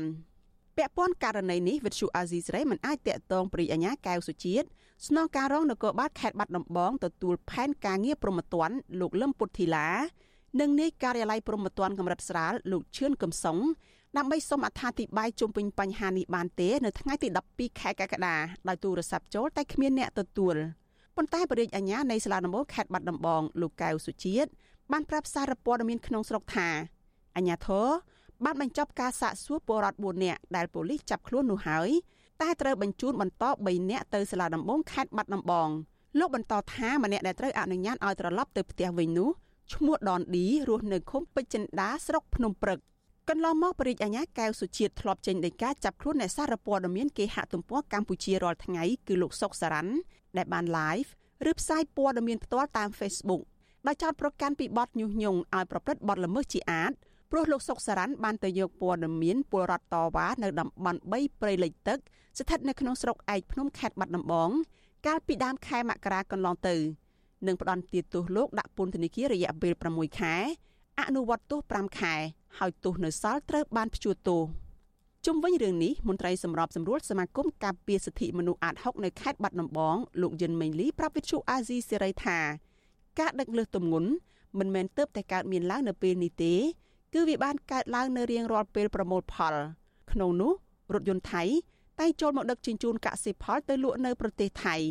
លោកចោតសួរថាហេតុអ្វីការដឹកជញ្ជូនពីមុនមុនមកគ្មានវិធានការត្រួតពិនិត្យរបស់ក្រសួងពាក់ព័ន្ធក្រមជញ្ជីងចល័តហើយបែរជាពេលប្រមូលផលពោតទើបមានការត្រួតពិនិត្យលោកយិនមេងលីលើកឡើងថាអញ្ញាធរចាប់ខ្លួនអ្នកសារព័ត៌មានដែលចោះយកព័ត៌មាននៅពេលមានបញ្ហាកើតឡើង ស្របទៅតាមក្រមសីលធម៌វិជ្ជាជីវៈគឺជារឿងមិនត្រឹមត្រូវឡើយ។ មន្ទីរសាធារណការដែលជាសេនាធិការថ្នាក់ក្រមជាតិលោកធ្វើអីបានចាំបាច់ពីលើមកស្អីតិចក៏យើងចាំបាច់តែថ្នាក់ជាតិស្រែកថ្នាក់ជាតិប្រជាមកបានធ្វើយើងមិនចាំបាច់ឲ្យមាននៅថ្នាក់ក្រមជាតិទេអ្វីអ្វីយើងទុកឲ្យនៅលើថ្នាក់ជាតិទាំងអស់តែអាហ្នឹងវាចូលទៅរបៀបជាថាវិមជ្ឈការវាចូលជាមជ្ឈការទី2បើសិនជាអ្នកសារព័ត៌មាននេះគាត់មិនទៅឡាគាត់មិនចុះទៅយកព័ត៌មានដល់កន្លែងកើតហេតុទេធ្វើម៉េចបានយកបានព័ត៌មានពិតឬក៏សារព័ត៌មាននឹងអង្គុយនៅនៅការិយាល័យចាំឲ្យអាជ្ញាធរបាញ់ព័ត៌មានឲ្យចាំឲ្យសមត្ថកិច្ចបាញ់ព័ត៌មានឲ្យហើយសារព័ត៌មានគាត់ផ្សាយតាមតែអានឹងវាជាការពិតទេអញ្ចឹងទូនទីរបស់សារព័ត៌មានគឺគាត់តែងទៅចុះទៅដល់កន្លែងកាត់ហើយដើម្បីស្វែងរកព័ត៌មានគាត់ស្វែងរកដើម្បីយកមកធ្វើការផ្សព្វផ្សាយលោកយិនមេងលីបន្ថែមថារដ្ឋាភិបាលនិងក្រសួងពាក់ព័ន្ធត្រូវមានផែនការយុទ្ធសាស្ត្រច្បាស់លាស់ស្វែងរកទីផ្សារលក់កសិផលឲ្យកសិករនិងបង្កើតរោងចក្រសម្រាប់កែច្នៃកសិផលដើម្បីជួយលើកកម្ពស់ដល់ជីវភាពរបស់កសិករ អញ្ញាធរស្រុកភ្នំព្រឹកខេត្តបាត់ដំបងបានចាប់ខ្លួនប្រជាពលរដ្ឋ4នាក់ដើម្បីសាកសួរពាក់ព័ន្ធនឹងការ live Facebook គៀងគរពលរដ្ឋមកតវ៉ាស្នើសុំកុំឲ្យក្រុមជញ្ជីងចល័តចាប់ឡានដែលដឹកពោតរបស់កសិករទៅលក់នៅប្រទេសថៃពលរដ្ឋមើលឃើញថាមូលហេតុដែលតម្លៃពោតចុះថោកនិងគ្មានអ្នកទិញគឺមកពីសមត្ថកិច្ចបន្តដាក់ជញ្ជីងចល័ត កសិករបាននាំគ្នាតវ៉ាទាមទារឲ្យសមត្ថកិច្ចបញ្ឈប់ការដាក់ជញ្ជីងចល័តត្រួតពិនិត្យរថយន្តដឹកពោតរបស់កសិករកាលពីយប់ថ្ងៃទី9និងព្រឹកថ្ងៃទី10ខែកក្កដាកន្លងទៅនាងខ្ញុំសុជីវីវិទ្យុអាស៊ីសេរីពីរដ្ឋធានី Washington បាទលោកនៅនាងជាទីមេត្រីតកតងទៅនឹងរឿងក្តីក្តាំនៅតុលាការនេះដែរសកម្មជនចលនាមេដាធម្មជាតិ6នាក់ដែលចៅក្រមស៊ើបសួរបានចាប់ប្រកាន់ពីបទរួមគំនិតក្បត់ និងប្រមាថព្រះមហាក្សត្រនោះ បង្ហោះវីដេអូឃ្លីបមួយតាមបណ្ដាញសង្គម Facebook នៅរសៀលថ្ងៃទី12ខែកក្កដាទាមទារឲ្យតុលាការទម្លាក់បទចោទទៅលើពួកគេសកម្មជនបរិស្ថាននៃចលនាមេដាធម្មជាតិលោកថនដថាឲ្យវិទ្យុអាស៊ីសេរីដឹងថាការបង្ហោះវីដេអូនេះមានគោលបំណងពញ្ញាក់ស្មារតីដល់សាធារណជន ពីព្រោះសកម្មជនទាំង6នាក់បើទោះបីជាត្រូវបានដោះលែងនៅក្រៅឃុំក្តីក៏តុលាការ មិនទាន់ទម្លាក់ចោលបទចោទប្រកាន់រួមគំនិតក្បត់និងប្រមាថព្រះមហាក្សត្រនៅឡើយក្រៅពីនេះលោកថាវីដេអូនេះក៏ជាការបញ្ជាក់ថាសកម្មជនចលនាមេតាធម្មជាតិនឹងមានយុទ្ធនាការបែបអហិង្សាសកម្មជាច្រើនទៀតដើម្បីទាមទារការលើកលែងបទចោទប្រកាន់មកលើពួកគាត់ផងដែរបីតាសាធារណជនដែលគាត់ឮថាមានការចោទប្រកាន់មកកាន់ខ្ញុំនឹងក៏គាត់សម្ដែងនៃការហួសចិត្តហួសចិត្តត្រង់ថាតើតើក្រមយុវជន6នាក់ ដែលមិនមានទ្រព្យសម្បត្តិដែលមិនមានអាវុធដែលមិនមានអ្វីទាំងអស់គ្រាន់តែប្រើពាក្យសម្ដីហ៊ាននិយាយការពិតពីបញ្ហាបំផ្លិចបំផ្លាញធនធានធម្មជាតិហ្នឹងបែរជាត្រូវរងការចោទប្រកាន់រហូតទៅដល់ផ្ដួលរំរដ្ឋាភិបាលឬក៏រួមគំនិតក្បត់អីដែលវាជារឿងដែលមិនគួរឲ្យកើតមាន ជារឿងដែលគួរឲ្យអស់សំណោចហើយក៏បង្ហាញច្បាស់ថាតឡាការនៅស្រុកខ្មែរនឹងមិនមានភាពឯករាជ្យទេតាក់ទងរឿងនេះ មេធាវីការពារក្តីឲ្យសកម្មជនបរិស្ថានទាំង6រូបគឺលោកសំចម្រើនថ្លែងថាសំណុំរឿងនេះកំពុងស្ថិតនៅក្នុងដំណាក់កាលស៊ើបសួរហើយតុលាការមិនទាន់ជំរុញឲ្យមានដំណើរការរឿងក្តីនេះនៅឡើយទេលោកបន្ថែមថាលោកគ្រងដាក់ពាក្យស្នើសុំទម្លាក់ចោលបទចោទប្រកាន់មកលើកូនក្តីរបស់លោកនៅក្នុងពេលឆាប់ឆាប់ខាងមុខនេះពីព្រោះរឿងក្តីនេះមិនមែនជារឿងក្តីស្មុគស្មាញនោះទេ ហើយលោកជឿជាក់ថាកូនក្តីរបស់លោកគឺជាមនុស្សស្អាតស្អំនិងសុចរិតមិនបានប្រព្រឹត្តកំហុសដោយតុលាការចោទប្រកាន់នោះទេសាលាដំបងរាជធានីភ្នំពេញបានចោទប្រកាន់សកម្មជនបរិស្ថានកញ្ញាសុនរដ្ឋានិងលោកយីមលៀងហ៊ីពីបទរួមគំនិតក្បត់ និងប្រមាថព្រះមហាក្សត្រចំណែកលោកលីច័ន្ទដារាវុធតុលាការបានចោទប្រកាន់ពីបទរួមគំនិតក្បត់កាលពីខែមិថុនាឆ្នាំ2021នៅក្នុងសំណុំរឿងនេះដែរកញ្ញាឡុងគុន្ធា កញ្ញាភួនកែវរស្មី និងលោកថនរដ្ឋានៅក្នុងពេលជាប់ឃុំខ្លួននៅពន្ធនាគារតុលាការក៏បានចោទប្រកាន់ពួកគាត់មួយបទល្មើសទៀតគឺពីបទរួមគំនិតក្បត់បន្ថែមពីលើបទចោទញុះញង់ដែលពួកគាត់ត្រូវបានឃាត់ខ្លួនកាលពីដើមខែកញ្ញាឆ្នាំ2020ក្រោយការដោះលែងនៅក្រៅឃុំបណ្ដោះអាសន្នកាលពីខែវិច្ឆិកាឆ្នាំ2021កន្លងទៅក្រុមសកម្មជនចលនាមេដាធម្មជាតិបានទទួលពានរង្វាន់ចំនួន2ពានរង្វាន់ទី1 គឺជាពានរង្វាន់អ្នកការពារសិទ្ធិមនុស្សឆ្នើមប្រចាំឆ្នាំ2021ពីបណ្ដាញអង្គការសង្គមស៊ីវិលក្នុងប្រទេសកម្ពុជា និងមួយទៀតគឺជាពានរង្វាន់អ្នកការពារជួរមុខពីអង្គការ Frontline Defender ចំពោះភាពក្លាហាន និងហ៊ានប្រថុយប្រឋានគ្រោះថ្នាក់ដើម្បីការពារបរិស្ថាននៅក្នុងប្រទេសកម្ពុជា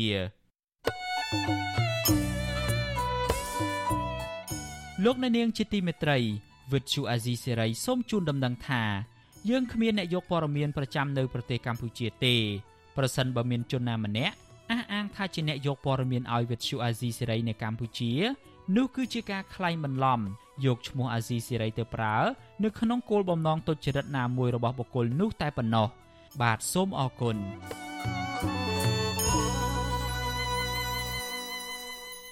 លោកនាងជាទីមេត្រីពាក់ព័ន្ធទៅនឹងរឿងសិទ្ធិជនជាតិដើមភាគតិចនិងការកាន់កាប់ដីធ្លីឯណោះវិញ ជនជាតិដើមភាគតិចគួយចំនួន3ភូមិរស់នៅខេត្តកំពង់ធំ ស្នើឲ្យអាជ្ញាធរខេត្តនេះចេញដីការក្សាការពារដីសហគមន៍មួយកន្លែងជាបណ្ដោះអាសន្នសិនដើម្បីទប់ទល់ការរំលោភបំពានពីសំណាក់ក្រុមហ៊ុនឯកជនមួយពួកគាត់សង្កេតឃើញថាកន្លងទៅអាជ្ញាធរខេត្តនេះមិនអើពើរក្សាការពារសវត្ថិភាពដីធ្លីជូនប្រជាសហគមន៍ស្របតាមគោលការណ៍ណែនាំរបស់រដ្ឋាភិបាលនោះទេ តែបែរជាផ្ដល់ឱកាសឲ្យក្រុមហ៊ុនបន្តរំលោភបំពានដីសមូហភាព ដែលអ្នកភូមិអាស្រ័យផលបែបប្រពៃណីទៅវិញ បាទលោកសេកបណ្ឌិតរាយការណ៍ព័ត៌មាននេះប្រជាពលរដ្ឋរាប់រយគ្រួសារភ ieck ច្រើនជាជនជាតិដើមភៀតតិចគួយរស់នៅក្នុងភូមិចំនួន3ក្នុងឃុំងនស្រុកសណ្ដានមិនទាន់ស្ងប់ចិត្តនៅឡើយទេដរាបណាអាជ្ញាធរខេត្តកំពង់ធំ នៅតែពន្យាពេលមិនចេញដីការក្សាការពារដីព្រៃសមរភាពដើម្បីទប់ស្កាត់ការរំលោភបំពានពីសំណាក់ក្រុមហ៊ុនសម្បត្តិ Platinum ពួកគេអះអាងថាការចេញដីកាការពារដីសមរភាពនេះគឺជារឿងចាំបាច់បំផុតដើម្បីរក្សាសុវត្ថិភាពដីសហគមន៍ដែលកំពុងរងចាំដំណោះស្រាយជាស្ថាពរពីអាជ្ញាធររដ្ឋអនុប្រធានទី1នៃសហគមន៍ជនជាតិដើមភេតិចគួយត្បិតចង្ហូខ្នាគឺលោកហ៊ានហៀប្រាប់បទសុអសីសេរី នៅថ្ងៃទី12កក្កដាថា ព្រៃសមរភាពត្បិតចង្ហូខ្នាកំពុងស្ថិតនៅក្នុងភាពផុយស្រួយឬប្រឈមការបាត់បង់ប្រសិនបើអាជ្ញាធរខេត្តកំពង់ធំ មិនរុះរាន់ចេញដីការរក្សាការពារនោះទេលោកបញ្ជាក់ថាដីសមរភាពនេះ អ្នកភូមិបានស្នើសុំចុះបញ្ជីទំហំជាង600ហិកតាគឺជាប្រភពសេដ្ឋកិច្ចយ៉ាងសំខាន់របស់ប្រជាពលរដ្ឋរាប់រយគ្រួសារដែលកំពុងប្រឈមនឹងការរំលោភបំពានពីសំណាក់ក្រុមហ៊ុនសម្បត្តិ Platinum លើពីនេះ កន្លងទៅ ក្រុមហ៊ុននេះ បានបោះបង្គោលរបងលយចូលដីព្រៃសមរភាពរបស់សហគមន៍អស់ជាច្រើនហិកតា ធ្វើឲ្យអ្នកភូមិកើតទុកមិនសុខចិត្តនិងកំពុងស្វែងរកកិច្ចអន្តរាគមន៍ទៅស្ថាប័នពាក់ព័ន្ធ ពួកក្រុមហ៊ុនហ្នឹងគាត់យកបង្គោលបោះរុញមកមកស្វ័យចន្ទីរបស់ប្រជាពលរដ្ឋទៀតអញ្ចឹងវាកើតមានបញ្ហាការចំនួនទតែងគ្នារហូតដល់ពេលបច្ចុប្បន្នប៉ុន្តែថាវាលោបតិចយូរយូរវាធ្វើតិចធ្វើតិចធ្វើតិចទៅពួកខ្ញុំក៏មានចិត្តថាក្តៅក្រហល់ក្រហាយខ្លាំងទៅកើតទៅបានហៅពភាសាឬពិគ្រោះយោបល់គ្នាតំណាងសហគមន៍រូបនេះបន្ថែមថាប្រសិនបើអាជ្ញាធរខេត្តនេះ មិនចេញដីការរក្សាការពារដីព្រៃសមរភាពនេះទេ អ្នកភូមិមិនហ៊ានចូលទៅអាស្រ័យផល និងបង្កបង្កើនផលដីតំបន់នោះទេលោកថាក្រុមហ៊ុនមានចេតនាច្បាមយកដីសមរភាពនេះឲ្យអស់ជាបន្តបន្ទាប់ទើបអ្នកភូមិខឹងសម្បាហើយកំពុងរកមធ្យោបាយការពារសុវត្ថិភាពដីអភិរក្សនេះឲ្យគង់វង្សដើម្បីជាប្រយោជន៍យូរអង្វែងដល់ប្រជាពលរដ្ឋ វិទ្យុអាស៊ីសេរីនៅពុំទាន់អាចតាក់ទងសុំការបំភ្លឺបន្ថែម ពីតំណាងក្រុមហ៊ុន សម្បត្តិ Platinum លោកឆេងផាន់បានឡើយទេ នៅថ្ងៃទី12កក្កដាចំណែកឯអភិបាលខេត្តកំពង់ធំ លោកងួនរតនៈក៏វិទ្យុអាស៊ីសេរីពុំទាន់អាចសុំការបំភ្លឺបានដែរដោយទូរស័ព្ទហៅចូលតែពុំមានអ្នកទទួលប្រជាសហគមន៍បន្ថែមថាដីសមរភាពត្បិតចង្ហូខ្នា មានព្រៃអភិរក្សព្រៃខ្មោចព្រៃបោះនិងព្រៃបំរុងទុក ដែលអ្នកភូមិបានស្នើសុំចុះបញ្ជីដីសមរភាពនៅក្រសួងដែនដីក្រសួងមហាផ្ទៃនិងក្រសួងអភិវឌ្ឍជនបទហើយមកទល់នៅពេលនេះកំពុងស្ថិតនៅក្នុងដំណើរការនីតិវិធីមិនទាន់រួចរាល់ជាស្ថាពរនៅឡើយទេអ្នកភូមិថាកាលពីអំឡុងខែមិថុនាឆ្នាំ2022មន្ត្រីជំនាញសូរិយោដី បានចុះវាស់វែងដីសមរភាពនេះដោយរកឃើញទំហំផ្ទៃដីជាក់ស្ដែងប្រមាណជិត1000ហិកតា ហើយពួកគាត់កំពុងស្នើសុំអាជ្ញាធរធ្វើផែនទីនិងកំណត់បង្គោលព្រំឲ្យច្បាស់លាស់ដើម្បីងាយស្រួលការពាររបាយការណ៍របស់ប្រជាសហគមន៍បង្ហាញថា កាលពីដើមឆ្នាំ2021ក្រុមហ៊ុនសម្បត្តិ Platinum បានបោះបង្គោលរំលោភយកដីសម្បត្តិភាពសហគមន៍របស់អ្នកភូមិអស់ជាច្រើនហិកតាហើយប្រជាពលរដ្ឋស្នើសុំឲ្យមានកិច្ចអន្តរាគមន៍ពីរដ្ឋមន្ត្រីក្រសួងដែនដីក្រោយមកក្រសួងដែនដីចេញលិខិត ស្នើសុំឲ្យអភិបាលខេត្តកំពង់ធំដោះស្រាយបញ្ហាប្រឈមទាំងនេះប៉ុន្តែប្រជាសហគមន៍ហាងថាអាជ្ញាធរខេត្តនេះមិនអើពើដោះស្រាយចំនួនដីធ្លីនេះឲ្យច្បាស់លាស់នោះទេពលគឺបណ្ដេតបណ្ដោយឲ្យក្រុមហ៊ុនបន្តរំលោភបំពានសិទ្ធិជាមូលដ្ឋានរបស់ប្រជាពលរដ្ឋជុំវិញរឿងនេះអ្នកសម្របសម្រួលលេខាធិការដ្ឋានសម្ព័ន្ធជនជាតិដើមភាគតិចកម្ពុជា លោកយុនលូរ៉ង់យល់ថាប្រសិនបើរដ្ឋាភិបាលនិងអាជ្ញាធរខេត្តនេះមានឆន្ទៈដោះស្រាយចំនួនដីធ្លីនេះ គួរតែគាំទ្របំណងរួមរបស់ប្រជាសហគមន៍ដោយចេញដីការរក្សាការពារដីសមូហភាពនេះជាមុនសិនលោកថាការចេញដីការរក្សាការពារគឺជាយន្តការស្របច្បាប់មួយ ដែលមានចែងនៅក្នុងអនុក្រឹត្យលេខ83របស់រដ្ឋាភិបាលដែលបញ្ជាឲ្យអាជ្ញាធរខេត្តចុះអនុវត្តវិធានការនេះដើម្បីការពារសុវត្ថិភាពដីជូនប្រជាពលរដ្ឋ ដោះមិនដោះសំខាន់ការពារកន្លែងហ្នឹងសិនចាំយើងរកដំណោះស្រាយពេលក្រោយចឹងកុំឲ្យបន្តមានការឈូសឆាយអីចឹងទៅវាធ្វើឲ្យមានបញ្ហាវាអាចប៉ះពាល់ទៅដល់តំបន់គាត់ឬមួយដីព្រៃនៅតំណកាន់តែខ្លាំងទៀតអញ្ចឹងកន្លងមកការចេញវិធានការការពារបដោះសន្នវាអត់ដែលត្រូវបានផ្សព្វផ្សាយនិងត្រូវបានអនុវត្តទេនេះជាបញ្ហាដែលកើតឡើងគ្រប់កន្លែងទាំងអស់តាមពិតអាហ្នឹងគឺល្អមែនទែនវាវាគួរតែមានអធិពលដែលការពារដីបានការពារព្រៃបានតែជាក់ស្ដែងវាអត់អញ្ចឹងកន្លងមកលោកយុនឡូរ៉ង់សង្កេតឃើញថា កន្លងទៅអាជ្ញាធរខេត្តកំពង់ធំ និងអាជ្ញាធរខេត្តដទៃទៀតមិនគោរពគោលការណ៍ណែនាំរបស់រដ្ឋាភិបាលនោះទេគឺបណ្ដេតបណ្ដោយឲ្យក្រុមហ៊ុន និងអ្នកមានឥទ្ធិពលរំលោភយកដីរបស់ប្រជាសហគមន៍អស់ជាបន្តបន្ទាប់ស្របពីដែលដីមានចំនួននោះកំពុងស្ថិតនៅក្នុងដំណើរការនីតិវិធីដោះស្រាយលោកថារដ្ឋាភិបាលគួរតែតាមដានប្រសិទ្ធភាពការងាររបស់អាជ្ញាធរខេត្តកំពង់ធំ និងខេត្តដទៃទៀតដែលមិនអនុវត្តតាមសេចក្តីសម្រេចរបស់រដ្ឋាភិបាល ប្រជាសហគមន៍មកដឹងទៀតថាកន្លងទៅដីសមរភាពត្បិតចង្ហូរខ្នា មានផ្ទៃដីទំហំជាង1000ហិកតា ហើយក្រុមហ៊ុនបានឈូសឆាយអស់រាប់រយហិកតា ហើយបច្ចុប្បន្ននៅសល់ជាង600ហិកតាប៉ុណ្ណោះដែលពួកគាត់កំពុងការពារនិងថែទាំក្រុមហ៊ុនសម្បត្តិ Platinum ទទួលសិទ្ធិវិនិយោគពីរដ្ឋាភិបាលទំហំជាង2400ហិកតា កាលពីឆ្នាំ2010ក្រុមហ៊ុននេះវិនិយោគដំណាំឧស្សាហកម្មកៅស៊ូនិងដំណាំផ្សេងទៀត ស្ថិតនៅក្នុងដែនជម្រកសត្វព្រៃបឹងពែនៃស្រុកសណ្ដានខេត្តកំពង់ធំអ្នកភូមិថាក្រោយពីមានវត្តមានក្រុមហ៊ុននេះវិនិយោគតំបន់នោះធ្វើឲ្យអ្នកភូមិជួបការលំបាកច្រើនដោយសារបាត់បង់ព្រៃឈើដីធ្លីសត្វព្រៃនិងដីព្រៃសមរភាពដែលពួកគាត់តែងតែបង្កបង្កើនផលបែបប្រពៃណីជនជាតិដើមភាគតិចគួយ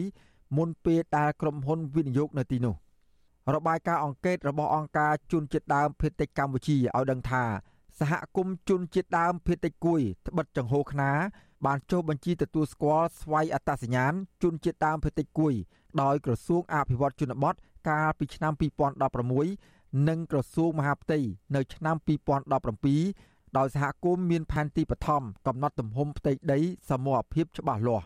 ខ្ញុំបាទសេកបណ្ឌិតវុទ្ធុអាស៊ីសេរីពីរដ្ឋធានីវ៉ាស៊ីនតោនបាទលោកអ្នកនាងជាទីមេត្រីតកតងទៅនឹងរឿងសត្វព្រៃវិញ ប្រជាសហគមន៍ការពារព្រៃឡង់និងមន្ត្រីអង្គការសង្គមស៊ីវិលស្នើឲ្យអាជ្ញាធរខេត្តព្រះវិហារការពារសវត្ថិភាពសត្វខ្ទីងពីរក្បាលដែលកំពុងរស់នៅជាមួយវងគោរបស់អ្នកស្រុកដើររកចំណីក្នុងព្រៃមួយកន្លែងស្ថិតនៅក្នុងភូមិស្រែវាលឃុំធ្មាស្រុកជ័យសែនខេត្តព្រះវិហារសមាជិកសហគមន៍ការពារព្រៃឡង់ខេត្តព្រះវិហារលោកស្រីថៃប្រាប់វិទ្យុអាស៊ីសេរីថាពួកលោកបានប្រទះឃើញសត្វខ្ទីងពីរក្បាល គឺមេនិងកូន កំពុងរស់នៅជាមួយវងគោរបស់អ្នកភូមិកាលពីថ្ងៃទី9ខែកក្កដាហើយមកទល់នឹងពេលនេះពួកវាកំពុងរស់នៅក្នុងព្រៃរិចរិលមួយកន្លែងជាប់ដែនជំរកសត្វព្រៃឡង់នៅក្នុងឃុំធ្មាស្រុកជ័យសែនលោកថាសត្វខ្ទីងទាំងនេះទំនងជាផ្អើលចេញពីព្រៃឡង់ដោយសារមានសកម្មភាពកាប់ឈើមានតម្លៃកំពុងកើតមានច្រើន រំខានដល់ការរស់នៅរបស់សត្វព្រៃកម្រទាំងនោះ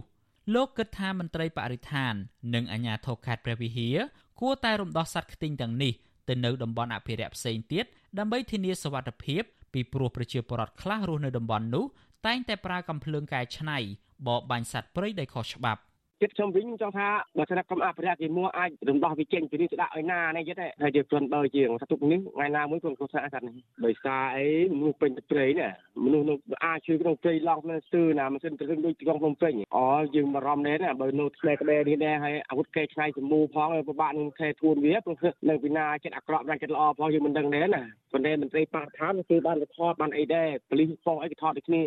ប្រជាសហគមន៍ការពារព្រៃឡង់រូបនេះបន្ថែមថា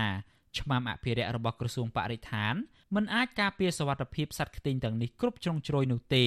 ពីព្រោះតំបន់នោះពោពេញទៅដោយបទល្មើសព្រៃឈើនិងការបរបាញ់សត្វព្រៃខុសច្បាប់វិទ្យុអាស៊ីសេរីមិនទាន់អាចតាក់ទងសុំការអធិប្បាយរឿងនេះពីអភិបាលខេត្តព្រះវិហារលោកប្រាក់សវណ្ណបាននៅឡើយទេនៅថ្ងៃទី12ខែកក្កដាចំណែកឯក្រសួងបរិស្ថានវិញក្រសួងបានបង្ហោះសារតាមទំព័រ Facebook របស់ខ្លួនថាក្រមមន្ត្រីឧទ្យានុរក្សខេត្តព្រះវិហារ ផ្ដល់ដំណឹងថាសត្វខ្ទីងពីរក្បាលបានវិលចូលក្នុងព្រៃក្នុងតំបន់អភិរក្សវិញហើយកាលពីរសៀលថ្ងៃទី10ខែកក្កដាក្រោយពីដាច់វងនិងរត់ចូលវងគោស្រុករកចំណីជាមួយគ្នា ក្រសួងបញ្ជាក់ថាក្រមមន្ត្រីឧទ្យានុរក្សកំពុងតាមដានបន្ថែមទៀតដើម្បីឲ្យសត្វខ្ទីងទាំងនោះចូលព្រៃវិញដោយសុវត្ថិភាពទោះជាយ៉ាងណាប្រជាសហគមន៍ការពារព្រៃឡង់លោកស្រីថៃអះអាងថាមកទល់នឹងពេលនេះសត្វទាំងពីរនេះនៅមិនទាន់ទៅណាឆ្ងាយនោះទេ ហើយពួកវាកំពុងតែរស់នៅជាមួយវងគោអ្នកស្រុកដោយមិនខ្លាចមនុស្សចូលចិត្តវា ដើម្បីថតរូបភាពនោះឡើយលោកបារម្ភថាប្រសិនបើឆ្មាំអភិរក្សរបស់ក្រសួងបរិស្ថានធ្វេសប្រហែសនោះអាចនឹងមានជនខិលខូចលបលួចបរបាញ់សម្លាប់សត្វខ្ទីងទាំងនោះដើម្បីយកសាច់លក់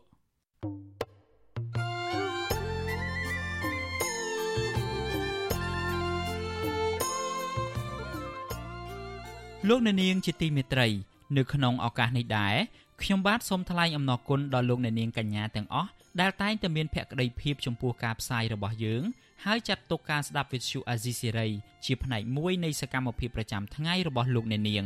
គឺការគ្រប់គ្រងរបស់លោកអ្នកនាងនេះហើយដែលធ្វើឲ្យយើងខ្ញុំមានទឹកចិត្តកាន់តែខ្លាំងថែមទៀតនៅក្នុងការស្វែងរកនិងផ្តល់ព័ត៌មានជូនលោកអ្នកនាងមានអ្នកស្ដាប់អ្នកទស្សនាកាន់តែច្រើនកាន់តែធ្វើឲ្យយើងខ្ញុំមានភាពស្វាហាប់មោះមុតជាបន្តទៅទៀត យើងខ្ញុំសូមអរគុណទុកជាមុនហើយសូមអញ្ជើញលោកអ្នកនាងកញ្ញា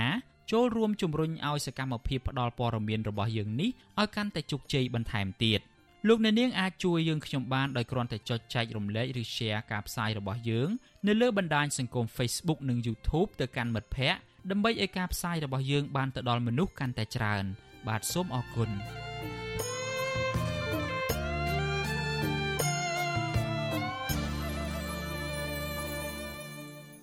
បាទលោកអ្នកនាងជាទីមេត្រីយើងងាកទៅបញ្ហាជនជាតិចិនឯណោះវិញវិនិយោគិនដែលជាជនជាតិចិនចូលមកធ្វើជំនួញឬអាជីវកម្មនៅក្នុងប្រទេសកម្ពុជា ជាទូទៅត្រូវបានរដ្ឋាភិបាលលោកហ៊ុនសែននិងមន្ត្រីក្រាក់ក្រាក់ទទួលស្វាគមន៍យ៉ាងកក់ក្ដៅបន្តិចម្ដងបន្តិចម្ដង ជនជាតិចិនដែលមករកស៊ីនៅលើទឹកដីខ្មែរបានកើនឡើងយ៉ាងគំហុកពួកគេមួយចំនួនហ៊ានរកស៊ីគ្រប់បែបយ៉ាងក្នុងនោះរាប់ទាំងការរំលោភយកដីធ្លីរបស់ប្រជាពលរដ្ឋម្ចាស់ស្រុក និងការនាំចូលអាវុធសម្រាប់ប្រព្រឹត្តបទឧក្រិដ្ឋនៅកម្ពុជាជាដើម លើសពីនេះប្រភេទអាជីវកម្មដែលហាក់មិនធ្លាប់កើតមានពីមុនមកនោះគឺជនជាតិចិនមួយចំនួន បានប្រែក្លាយកម្ពុជាឲ្យទៅជាកន្លែងមួយដែលមានរោងចក្រសហគ្រាសសម្រាប់ផលិតគ្រឿងញៀនដើម្បីចរាចរនៅក្នុងស្រុក និងនាំចេញទៅក្រៅប្រទេសបាទសូមលោកអ្នកនាងស្ដាប់សេចក្តីរាយការណ៍ពិស្ដារមួយទៀតរបស់លោកជាតិចំណានអំពីរឿងនេះដូចតទៅ កម្ពុជាក្រោមការដឹកនាំដោយលោកនាយរដ្ឋមន្ត្រីហ៊ុនសែនបានធ្វើឲ្យជនបរទេសជាពិសេសក្រុមវិនិយោគិនជាជនជាតិចិនហាក់សម្លឹងមើលឃើញទុកមុនថាកម្ពុជា ជាទីតាំងសម្រាប់ឲ្យពួកគេអាចបើកមុខរបរអាជីវកម្មទាំងស្របច្បាប់និងខុសច្បាប់ក្នុងនោះជនជាតិចិនក៏បាននាំចូលសារធាតុគីមីផ្សំជាគ្រឿងញៀនរាប់រយតោននិងបើករោងចក្រសិប្បកម្មផលិតនៅកម្ពុជាជាបន្តបន្ទាប់ដែលមិនធ្លាប់ឃើញពីមុនក្នុងប្រវត្តិសាស្ត្រក្រុមអ្នកតាមដានស្ថានភាពកម្ពុជាលើកឡើងថាលំហូរសារធាតុគីមីផ្សំជាគ្រឿងញៀន រាប់រយតោនចូលកម្ពុជាកន្លងមកនេះប្រសិនបើគ្មានក្រុមអុកញ៉ានិងមន្ត្រីក្រាក់ក្រាក់ក្នុងជួររដ្ឋាភិបាលខុបខិតគ្នាជាប្រព័ន្ធជាមួយជនជាតិចិនទាំងនោះក៏ដំណើរការនៃការនាំចូលសារធាតុញៀននិងសង្វាក់ផលិតកម្មគ្រឿងញៀននេះមិនអាចប្រព្រឹត្តទៅបាននោះដែរអ្នកនាំពាក្យសមាគមការពារសិទ្ធិមនុស្សលោកសង្សានករណាលើកឡើងថារដ្ឋាភិបាល និងក្រសួងពាក់ព័ន្ធគប្បីតាមដាន ការនាំចូលទំនិញរបស់ក្រុមអ្នកវិនិយោគចិនទាំងនោះប៉ុន្តែលោកថាក្រសួងពាក់ព័ន្ធ ជាពិសេសមន្ត្រីប្រចាំការនៅតាមច្រកទ្វារព្រំដែនមិនបានធ្វើការត្រួតពិនិត្យនៃការនាំចូលសារធាតុគីមីផ្សំទាំងនោះបានល្អច្បាស់លាស់នោះទេ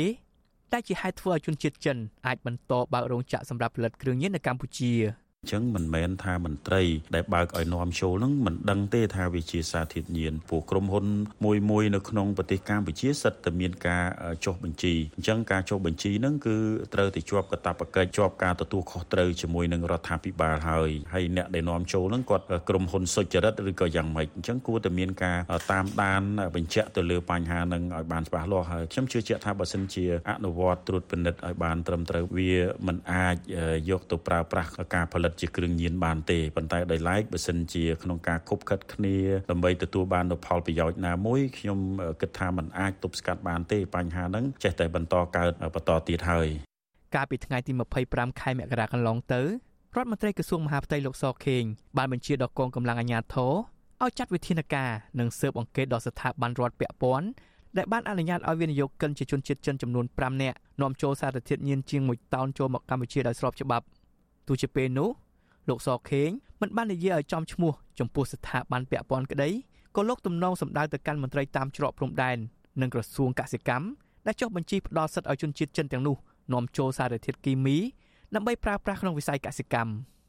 ដោយឡែកថ្មីថ្មីនេះកម្លាំងសមត្ថកិច្ចចម្រុះបានបង្ក្រាបក្រុមអក្រិតជនគ្រឿងញៀនជនជាតិចិនចំនួន7នាក់បន្ថែមទៀតដែលពួកគេនាំចូលសារធាតុគីមីផ្សំកាយជាគ្រឿងញៀន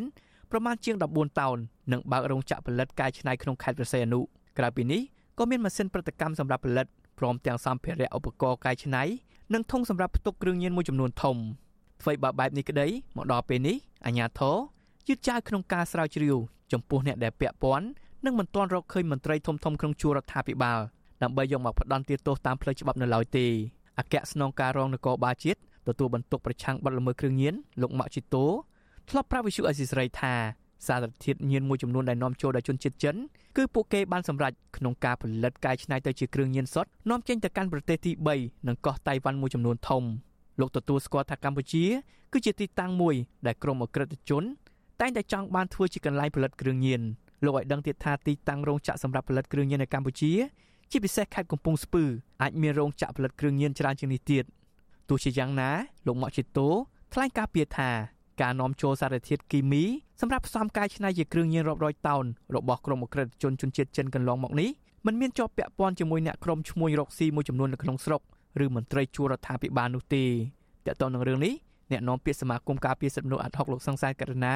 យល់ថាការសន្និដ្ឋានយ៉ាងឆាប់រហ័សរបស់មន្ត្រីអាជ្ញាធរថាគ្មានបុគ្គលអ្នកមានអំណាចជាប់ពាក់ព័ន្ធករណីអក្រិតកម្មគ្រឿងញៀនដោយគ្មានការស៊ើបអង្កេតឲ្យបានច្បាស់លាស់ជាមុននោះអាចនឹងប៉ះពាល់ដល់សមត្ថភាព របស់ស្ថាប័នស៊ើបអង្កេតដទៃទៀត។ យើងពិបាកនឹងជឿជាក់ណាស់ដែលថាมันពាក់ព័ន្ធទៅនឹងអ្នកមានអំណាចឬក៏អ្នកដែលមានអធិបុលនោះពីព្រោះសារធាតុដែលអាចនាំចូលមកបានដល់កម្រិតនេះខ្ញុំ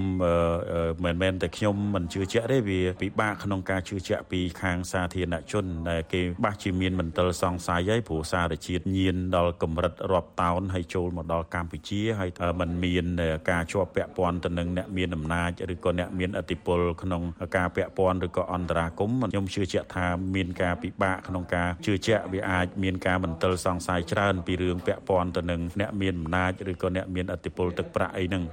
មន្ត្រីខ្លំមើលការរំលោភសិទ្ធិមនុស្សរូបនេះព្រួយបារម្ភថាបាអាញាធរកម្ពុជាគ្មានវិធានការច្បាស់លាស់ហើយនៅតែឆ្លោយដោះសាររកតែរួចខ្លួននៃការហូរចូលនៃគ្រឿងញៀននៅកម្ពុជាកាន់តែធ្វើឲ្យការគម្រាមកំហែងសន្តិសុខកម្ពុជានិងប្រជាពលរដ្ឋទូទៅចំណែកអ្នកវិភាគនយោបាយនិងសង្គមលោកកឹមសុខយល់ថាជនជាតិចិនដែលមករកស៊ី បើកសិប្បកម្មរោងចក្រនានានៅកម្ពុជាគ្រាន់តែជារបាំងបាំងមុខតែប៉ុណ្ណោះប៉ុន្តែនៅពីក្រោយខ្នងជនជាតិចិនទាំងនោះអាចមានឱកាសច្រើនដើម្បីរកស៊ីជួញដូរនិងបើករោងចក្រផលិតគ្រឿងញៀនជាមួយអ្នកមានឥទ្ធិពលក្នុងជួររដ្ឋាភិបាលលោកហ៊ុនសែនលើសពីនេះលោកមើលឃើញថាចំណាត់ការទប់ស្កាត់បទល្មើសគ្រឿងញៀននៅកម្ពុជាមិនមានប្រសិទ្ធភាពឡើយដោយសារតែអ្នករកស៊ីជួញដូរគ្រឿងញៀនទាំងនោះ មានឥទ្ធិពលជាងកម្លាំងសមត្ថកិច្ចបង្ក្រាបហើយយើងទៅនិយាយអំពីប្រសិទ្ធភាពនៃការអនុវត្តច្បាប់អីបើពួកដែលជាមន្ត្រីជាន់ខ្ពស់ធំធំក្នុងកងកម្លាំងប្រដាប់អាវុធនៃរដ្ឋាភិបាលលោកហ៊ុនសែនជាពិសេសអ្នកដែលជិតស្និទ្ធនឹងលោកហ៊ុនសែនសាច់ញាតិកូនចៅលោកហ៊ុនសែនសុទ្ធតែជាប់ពាក់ព័ន្ធទៅនឹងការចោទប្រកាន់អំពីការជួញដូរគ្រឿងញៀនខុសច្បាប់នៅប្រទេសកម្ពុជាទៅហើយហ្នឹងលោកកឹមសុខបន្ថែមថា អ្វីដែលគួរឲ្យគ្រោះថ្នាក់សម្រាប់របបឯកបកសពថ្ងៃនេះគឺការអនុវត្តច្បាប់ស្តង់ដារ2ចំពោះក្រុមអក្រិតជនគ្រឿងញៀនជនជាតិចិនជាបន្តបន្ទាប់នេះដែលអាចមានការសម្រួលឲ្យពួកគេនៅក្រៅឃុំស្ងាត់ស្ងាត់ដូចជាមេខ្លោងអក្រិតជនអុកញ៉ាគិតធៀងនៅពេលកន្លងមកលោកអុកញ៉ាគិតធៀងគឺជាបងប្រុសបង្កើតរបស់អុកញ៉ាគិតមេងត្រូវបានសមត្ថកិច្ចចាប់ខ្លួនកាលពីដើមខែមិនិនាឆ្នាំ2019តាក់ទងនឹងការចោទប្រកាន់ថាជាមេខ្លោងចែកចាយគ្រឿងញៀនក្នុងក្លឹបកំសាន្តរ៉ុកក្នុងរាជធានីភ្នំពេញតុលាការក្រុងភ្នំពេញ សម្រាប់ផ្ដន្ទាទោសឲ្យលោកកឹកធៀងជាប់ពន្ធនាគាររយៈពេល4ឆ្នាំពីបទចាត់ចែងសម្របសម្រួលនិងប្រើប្រាស់សារធាតុញៀនខុសច្បាប់និងសំគំនិតពាក់ព័ន្ធករណីជួញដូរគ្រឿងញៀនជិត50គីឡូក្រាមប៉ុន្តែតុលាការបានដោះលែងអង្គញាកឹកធៀងឲ្យនៅក្រៅឃុំវិញនៅក្នុងឆ្នាំ2021ក្រោមហេតុផលមានជំងឺសួតនិងស្ទះដង្ហើមអង្គញាកឹកធៀងនិងអង្គញាកឹកមេងនេះគឺជាអ្នកជំនួញដែលមានឥទ្ធិពលនិងតែងបរិច្ចាគទឹកប្រាក់ក្រោមរូបភាពសប្បុរសធម៌ច្រើនសន្ធឹកសន្ធាប់ ទៅគណៈបកប្រជាជនកម្ពុជានិងរដ្ឋាភិបាលលោកហ៊ុនសែនទោះជាយ៉ាងណាក៏ដោយចុះទាំងលោកសង្សានករណានិងលោកកំសុកលើកឡើងថាប្រសិនបើអាជ្ញាធរពិតជាមានឆន្ទៈប្រប្រកបក្នុងការស៊ើបអង្កេតករណីជនជាតិចិនអាចបើករោងចក្រផលិតគ្រឿងញៀននៅកម្ពុជាជាបន្តបន្ទាប់នោះអាជ្ញាធរគួរតែបង្ហាញតម្លាភាពដល់ប្រជាពលរដ្ឋដោយចាប់ផ្ដើមស្រាវជ្រាវមន្ត្រីតាមច្រកព្រំដែនអ្នកមានឥទ្ធិពលតាមស្ថាប័នក្រសួងពាក់ព័ន្ធនិងមេខ្លោងធំធំដែលមានអំណាចក្នុងជួររដ្ឋាភិបាលផ្សេងទៀត។ ពួកគាត់ព្រួយបារម្ភថាបើអាជ្ញាធរអនុវត្តច្បាប់ធូររលុងដូចសពថ្ងៃនេះលំហូរគ្រឿងញៀននឹងកាន់តែកើនឡើងបន្ថែមទៀតដែលជាហេតុនាំឲ្យកើតមានបញ្ហាច្រើនតាក់ទងនឹងអំពើឆក់ប្លន់ករណីចាប់ចម្រិតមនុស្សបញ្ហាអសន្តិសុខក្នុងសង្គមនិងអំពើរំលោភសិទ្ធិមនុស្សជាដើមខ្ញុំបាទជាចំណាន Visual Assisray ពីរដ្ឋធានី Washington លោកអ្នកនាងជាទីមេត្រីវិទ្យុអាស៊ីសេរីសូមជូនដំណឹងថា យើងគ្មានអ្នកយកព័ត៌មានប្រចាំនៅប្រទេសកម្ពុជាទេ